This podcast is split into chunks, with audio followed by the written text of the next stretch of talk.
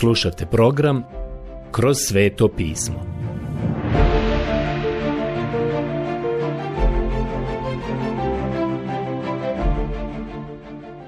Knjiga Izlazak. Odlomak, izlazak, poglavlje 30. Prijatelji, danas dolazimo do 30. poglavlja knjige Izlaska. Ušli smo u poglavlje koje govori o oltaru Tamjana ali htio bih se ponovno vratiti jer postoji toliko toga čime se prije nismo pozabavili. Kadioni oltar. Nastavak.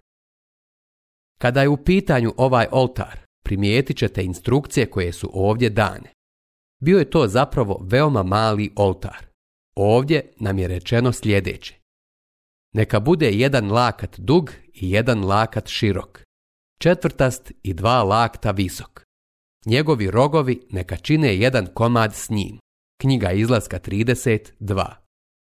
Drugim riječima, kada svi dolazimo Bogu u molitvi, niko od nas ne donosi ništa što bi nas činilo da budemo saslušani više nego li neko drugi.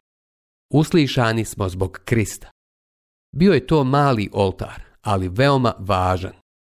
I kao što smo prošli put naglasili, to je bio oltar na kojem se nije smjela prinositi žrtva tamjan ili kad.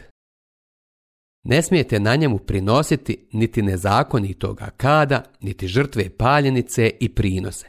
Ne smijete ni naljev na njemu lijevati. Knjiga izlaska 39. Da bismo saznali nešto više o kadu ili tamjanu koji je trebao biti stavljen na ovaj oltar, morat ćemo otići na kraj ovog poglavlja i ja bih želio da sada otvorim i pročitam taj dio. Pročitat ćemo od 34. do 37. stiha. Još zapovjedi gospodin Mojsiju. Uzmi sebi mirisa, naime stakte, kadionih školjki, galbana, mirisnih trava i čista tamjana, sve u jednakim dijelovima. I od toga načini kad, miris kao pravi pomastar, posoljen, čist za svetu uporabu. Jedan dio od toga istucaj posve sitno i stavi nešto od toga pred kovčeg zakona u šatoru svjedočanstva, gdje ću ti se objavljivati. To vam ima vrijediti kao presveto. Sličan kad onome koji ćeš napraviti, ne smijete sebi praviti. Taj vam mora biti kao posvećen gospodinu. Knjiga izlaska 30, 34 do 37. I niko nije smio prinijeti ništa drugo osim ovoga ovdje. Stakta je bila smolasta tvar koja je curila iz drveća na planini Gilead. Zvali su to Jerihonski melem. A zatim se pominju kadione školjke koje su nastale od jedne vrste školjkaša, od jedne vrste rakova. Galbana je uzet iz lišća jedne sirijske biljke. Sada, Tamjan, niko ne zna šta je to bilo. Bila je to tajna formula i niko ne zna šta je to bilo. Sve to zajedno je davalo slatki miomiris koji se nije smio kopirati. Pročitat ćemo sada 38. stih, to jest zadnji stih ovog 30. poglavlja. Ako bi tko sebi načinio sličan kad, da se naslađuje njegovim mirisom, neka se istrijebi iz svoga naroda. Knjiga izlaska 30.38 Drugim riječima, kada bi neko napravio tamjan sa namjerom da zamiriše Bogu, i onda bi to sam mirisao, da vam kažem tako. Bog to uopšte ne bi prihvatio. Dakle, šta ovo znači? Ovaj oltar govori o molitvi, govori o bogosluženju. To je mjesto gdje prinosimo svoje hvale, svoju zahvalnost i svoje molitve. Ne smije se umnožavati i formula se ne smije koristiti. Drugim riječima, ovo je pokušaj da se obožavanje učini ugodnim prirodnom čovjeku, a to nije moguće učiniti. Ne možete učiniti da obožavanje bude ugodno prirodnom čovjeku. Moramo se klanjati Bogu u duhu i istini. Ali danas se koriste razne stvari kako bi se pokušavalo privući ljude u crkvu da bi došli. Ne smije se koristiti ništa osim riječi Božje. Ukoliko usto postoji mali ritual, u redu ali pobrinimo se da riječ Božja bude središte i da je sve ostalo usredotočeno oko riječi Božje. Dakle, Tamjan je trebao biti ponuđen na tom oltaru, a rekli smo da Tamjan govori o molitvi. Nek ti bude mila moja molitva kao kad pred tvojim licem, napisao je David. Ovo govori o tome da je naš gospod Isus ujedno i naš veliki zagovornik na nebu. To je slika Krista, on je naš zagovornik. Na toj poziciji je služio Aron kao veliki sveštenik. Rečeno nam je sljedeće. Aron neka tada na njemu pali miomirisni kad. Svako jutro kad sprema svjetiljke neka ga pali. I kad Aron podvečer postavlja svjetiljke neka ga pali. Neka to bude vaš redoviti kad pred gospodinom od koljena do koljena. Knjiga izlaska 37 do 8. To je bilo mjesto gdje je Aron služio. Dakle, ovdje sada imamo sliku Krista, našeg velikog zagovornika. Postoje dvije stvari u šatoru sastanka koje govore o Kristovom dijelu na nebu. Jedna je ovaj kadioni oltar, a druga je mjedeni umivaonik. I o tome ćemo govoriti u ovom poglavlju. Nadam se da ćemo danas stići da to obradimo jer nam je to namjera. Bila su dakle dva oltara. Vidjeli smo mjedeni oltar koji se nalazio vani, tamo su se prinosile sve žrtve. A onda smo vidjeli ovaj kadioni oltar, a na njemu se uopšte nije smjela prinositi bilo kakva žrtva, pa tako ni žrtve paljenice. Ne smijete na njemu prinositi niti toga kada, niti žrtve paljenice i prinose. Ne smijete ni naljev na njemu lijevati. Knjiga izlaska 39. Postojala su ova dva oltara. Kadioni oltar je mjesto gdje je Bog imao posla sa svecima. Oltar za žrtve paljenice je mjesto gdje je Bog imao posla sa grešnicima. Taj oltar za žrtve paljenice govori o zemlji i grijehu čovjeka. Kadioni oltar govori o nebu i o svetosti. Oltar za žrtve paljenice predstavlja ono što je Krist učinio za nas na zemlji a i oltar predstavlja ono što Krist čini za nas danas na nebu. Ujedno govori i o našim molitvama. Govori o našem udjelu u bogosluženju i sjećate se kada sam prošli put rekao da zapravo ne znamo gdje je oltar nestao. Nakon Kristove smrti nalazimo ga u svetinji nad svetinjama. Tamo je i danas. Rečeno nam je sljedeće a za drugom zavjesom bio je šator koji se zove Svetinja nad svetinjama. U njoj je bio zlatni kadioni žrtvenik.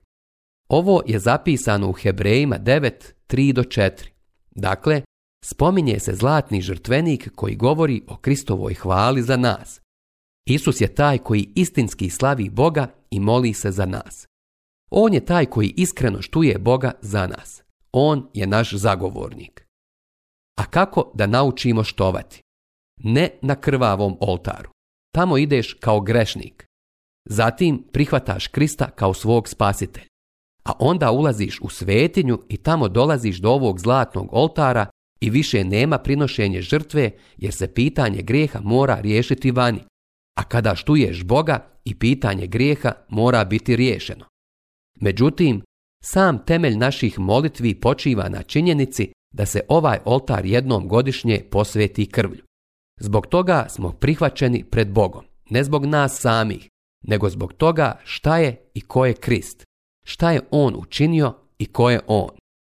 To nam je sasvim jasno rečeno u poslanici Efežanima u prvom poglavlju šesti stih. Dozvolite mi da otvorim taj stih i pročitam ga. Učinio je to da slavimo njegovu slavnu milost kojom nas je obdario u ljubljenome. Nebeski otac je rekao, ovo je sin moj ljubljeni, slušajte ga.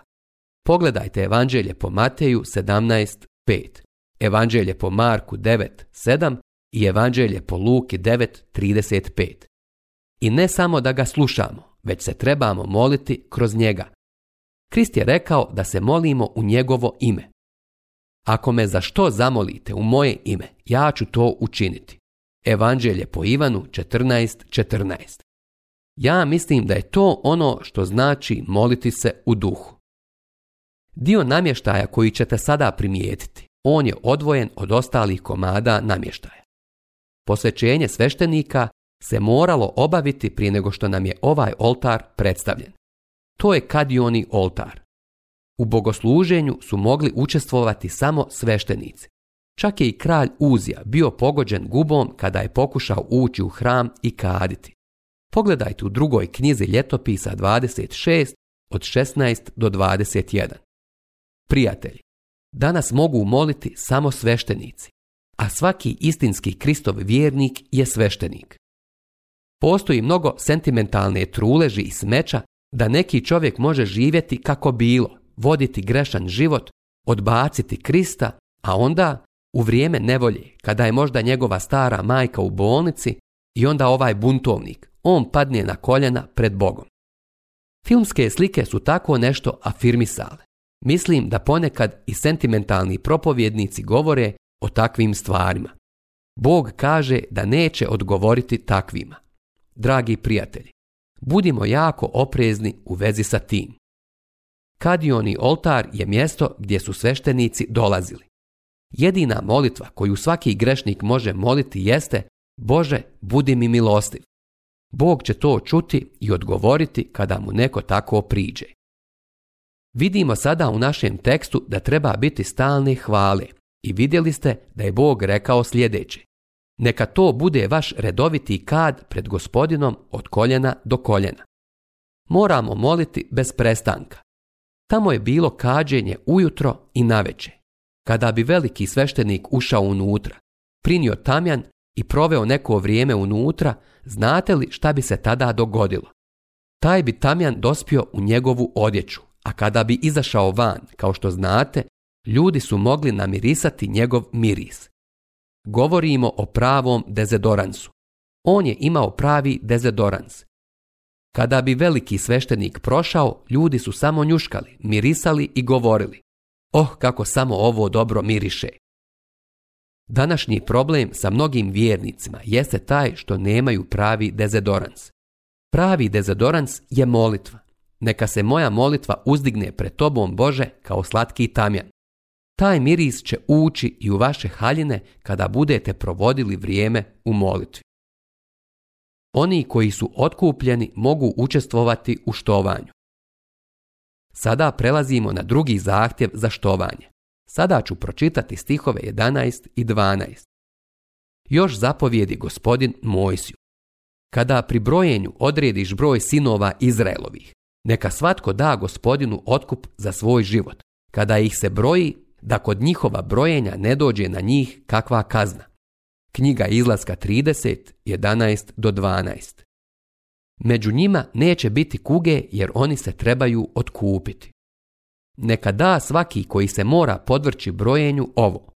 Pola šekela po šekelu svetišta. 20 gera ima šekel. Pola šekela kao prilog gospodinu. Knjiga izlaska 13. Šekel je bio od srebra. Oni su bili otkupljeni srebrom.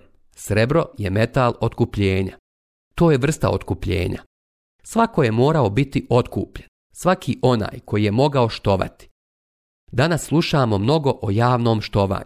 Zapravo, ne postoji takva stvar. Samo otkupljeni mogu štovati. Trebali bismo biti vrlo oprezni sa tim. Znam da ima jako puno ljudi koji slušaju radijske frekvencije i ukoliko bi neko od njih mijenjajući frekvencije naišao na ovu na kojoj se emituje ovaj naš program i ukoliko je ta osoba kršćanin, mislim da bi taj neko bio privučen i vjerovatno slušao. Ako ta osoba nije kršćanin, vjerovatno bi rekla, oh, evo još jednog od onih biblijskih galamđija, neću ga slušati. Takva osoba bi zatim prešla preko naše frekvencije i nastavila tražiti drugu. Ili bi možda počela slušati naš program i ako to učini, bit će iskupljena. To je ono na što računamo. Saznali smo da će Bog govoriti mnogim srcima ako slušaju riječ Božju. Kada budu otkupljeni, onda se možemo zajedno klanjati Bogu i štovati ga. Tada se možemo sastati oko riječi Božije, ali i vi morate biti otkupljeni. Iskreno govoreći, čak ni u ovom programu nismo toliko oprezni koliko bismo trebali biti. Molim ljude da podrže ovaj program i ovu službu, ali nadam se da razumijete da govorim vjernicima.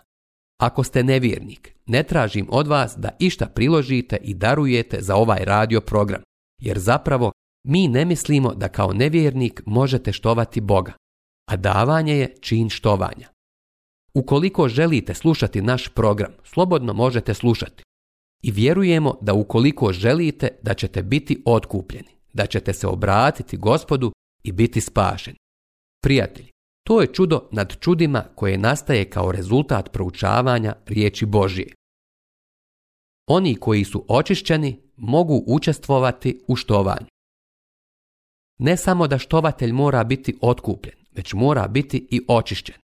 To nas dovodi do umivaonika, a umivaonik se nalazi u vanjskom dvorištu, napravljen je od mjedi. i tamo su još dva predmeta. Mjedeni oltar je mjesto gdje Bog rješava pitanje grijeha.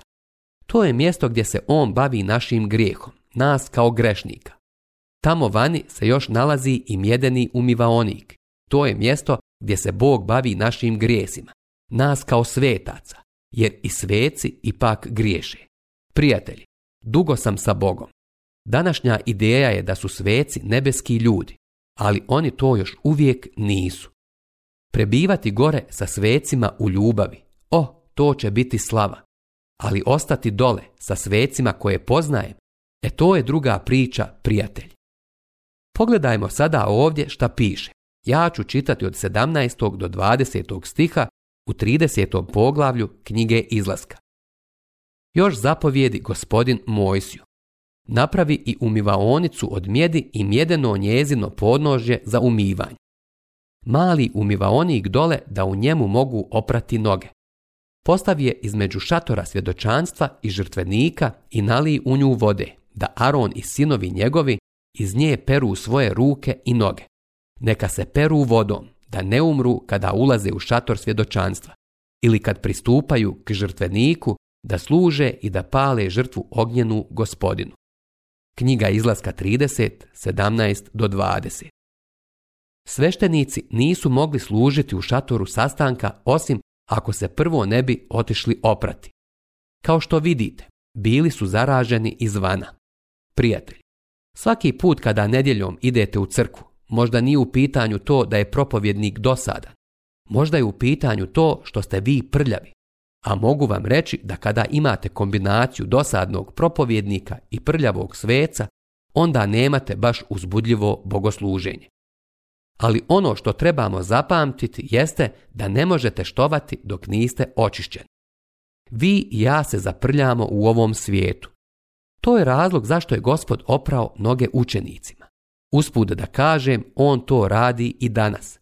Moramo otići do umivaunika, a to je prvo što su činili oni koji su služili u šatoru sastanka.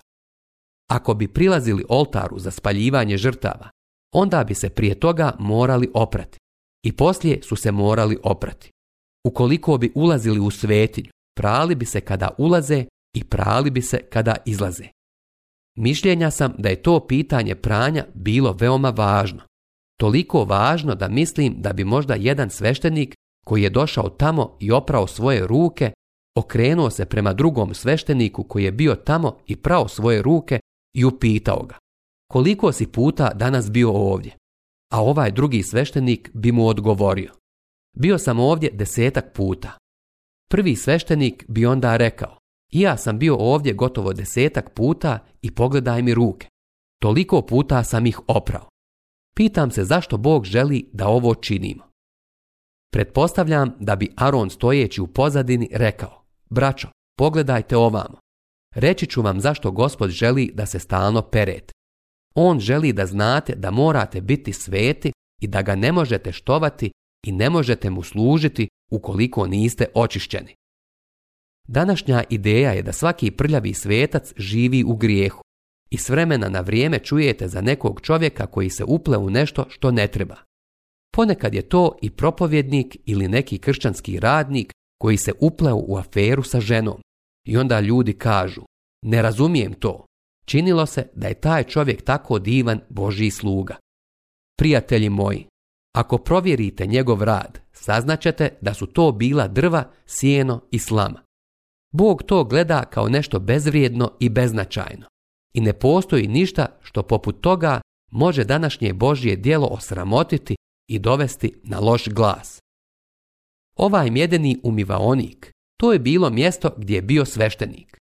Danas ćemo mu doći na ispovijed. Ako priznajemo svoje grijehe, on je vjeran i pravedan, da nam oprosti grijehe i očisti nas od svake nepravde. Prva Ivanova poslanica 1.9. Vrlo je važno obratiti pažnju na ovaj umivaonik od mjedi. To ima veze sa našim posvećenjem. Taj umivaonik govori o posvećenju vjernika, a vi i ja trebamo otići tamo i oprati se ako želimo služiti Bogu. I mi idemo tamo da se operemo ako želimo biti upotrijebljeni od Boga. Veoma je važno da budemo čisti. Sada želim ponovo da kažem, ne samo da trebamo imati slatki miomiri iz tamjana u našoj odjeći, već trebamo i oprati svoja tijela čistom vodom. Čista voda je Božja riječ. Znate li od čega je napravljen umivaonik? Izrađen je od mjedi. Napravljen je od ogledala koja su pripadala ženama i za koje nam je rečeno da su ih donijele. U to su vrijeme koristili mjed. Visoko polirani mjed kao ogledala nisu imali staklo kakvo mi danas ima.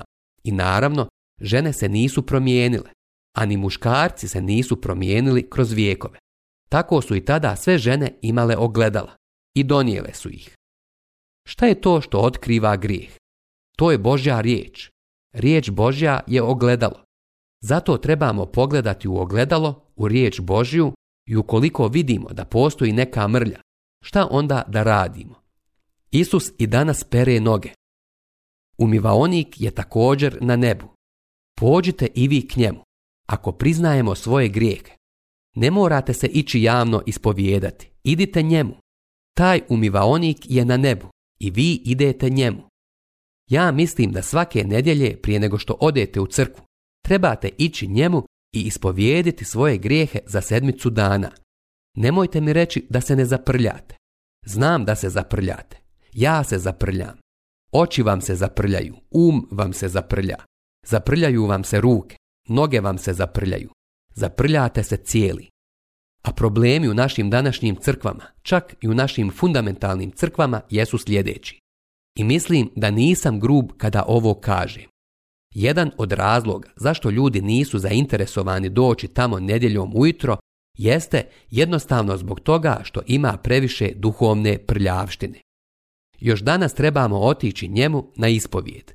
Moramo otići do tog umivaonika i oprati se prije nego što odemo na bogosluženje. Bog ne prihvata štovanje ukoliko ono ne dolazi iz očišćenog srca. Neće ni prihvatiti takvu službu. To je nešto što se sada zasigurno pokazuje i dokazuje. Oni koji su pomazani mogu učestvovati u štovanju. Ne samo da se trebamo oprati i ne samo da imamo tamjan, nego trebamo i biti pomazani. Još zapovijedi gospodin Mojsiju. Uzmi sebi najboljih mirisa, naime, najčistije smirne 500 šekela i pola toliko, 250 šekela mirisavoga cimeta, 250 šekela mirisavog iđirota i 500 šekela lovorike, kasije po šekelu svetišta u 101 hin maslinova ulja. Od toga napravi sveto ulje za pomazanje, mirisnu pomast, kakvu pravi pomastar. To neka bude sveto ulje za pomazanje. Pomaži njim šator svjedočanstva i kovčeg zakona, stol i sve njegove sprave, svječnjak i njegove sprave i žrtveni kadionik. Zatim žrtvenik za žrtve paljenice i sve njegove sprave i umivaonicu i njezino podnožje. Tako ih imaš posvetiti, da budu presveti. Svatko tko ih dotakne, postaće svet. Pomaži njim i Arona i njegove sinove i posveti mi ih tako za svećeničku službu. Knjiga izlaska 30, 22 do 30. Ovo je nešto što je i vama i meni danas potrebno. Kakvo je to pomazanje? Ivan u svojoj poslanici, prva Ivanova poslanica 2.27, kaže da mi imamo pomazanje. Kakvo je to pomazanje? To pomazanje je duh sveti. Mi imamo pomazanje koje nam omogućava da razumijemo riječ Božju. I to je razlog zašto je riječ Božja tolikim ljudima danas postala stvarna, čak i putem radio programa. Prijatelji, nije u pitanju govornik, ni u pitanju program. To je riječ Božja koju koristi duh Božji i samo vas duh Božji može pomazati. Ne idete nekom čovjeku da vas on poliva uljem. Idite Bogu već sada i recite mu. O Bože, otvori moje srce, moj um i moj život da razumijem tvoju riječ. Daj mi tvoje pomazanje. A to pomazanje je danas jako važno. Sve je to važno. Zapravo, Ivan to spominje. Vjerovatno ne bih trebao uzeti zdravo za gotovo da ćete to potražiti u Bibliji. Vjerovatno bih ja trebao otvoriti i pročitati. Ovo je prva Ivanova poslanica, drugo poglavlje, 20. stih. Ali vi imate pomazanje od svetoga. Ovdje se veoma jasno kaže da imamo pomazanje.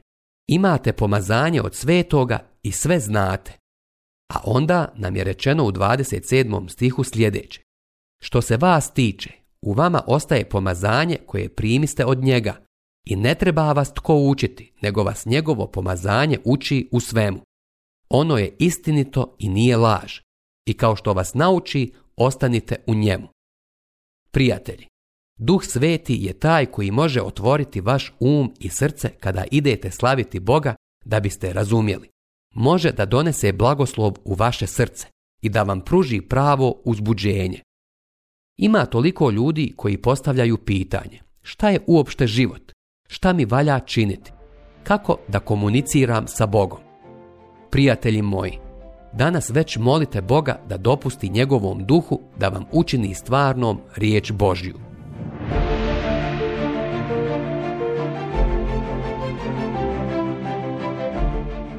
Slušali ste emisiju Kroz sveto pismo.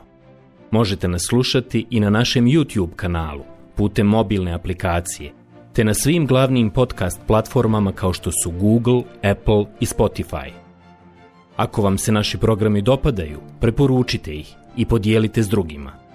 Budite slobodni da ostavite svoj komentar ili nam pišite na našu e-mail adresu kroz svetopismo.bih at gmail.com Zapratite našu stranicu kroz sveto pismo BiH na Facebooku i na Instagramu Emisije iz ove serije možete pronaći na našoj stranici ttb.tw.r.org.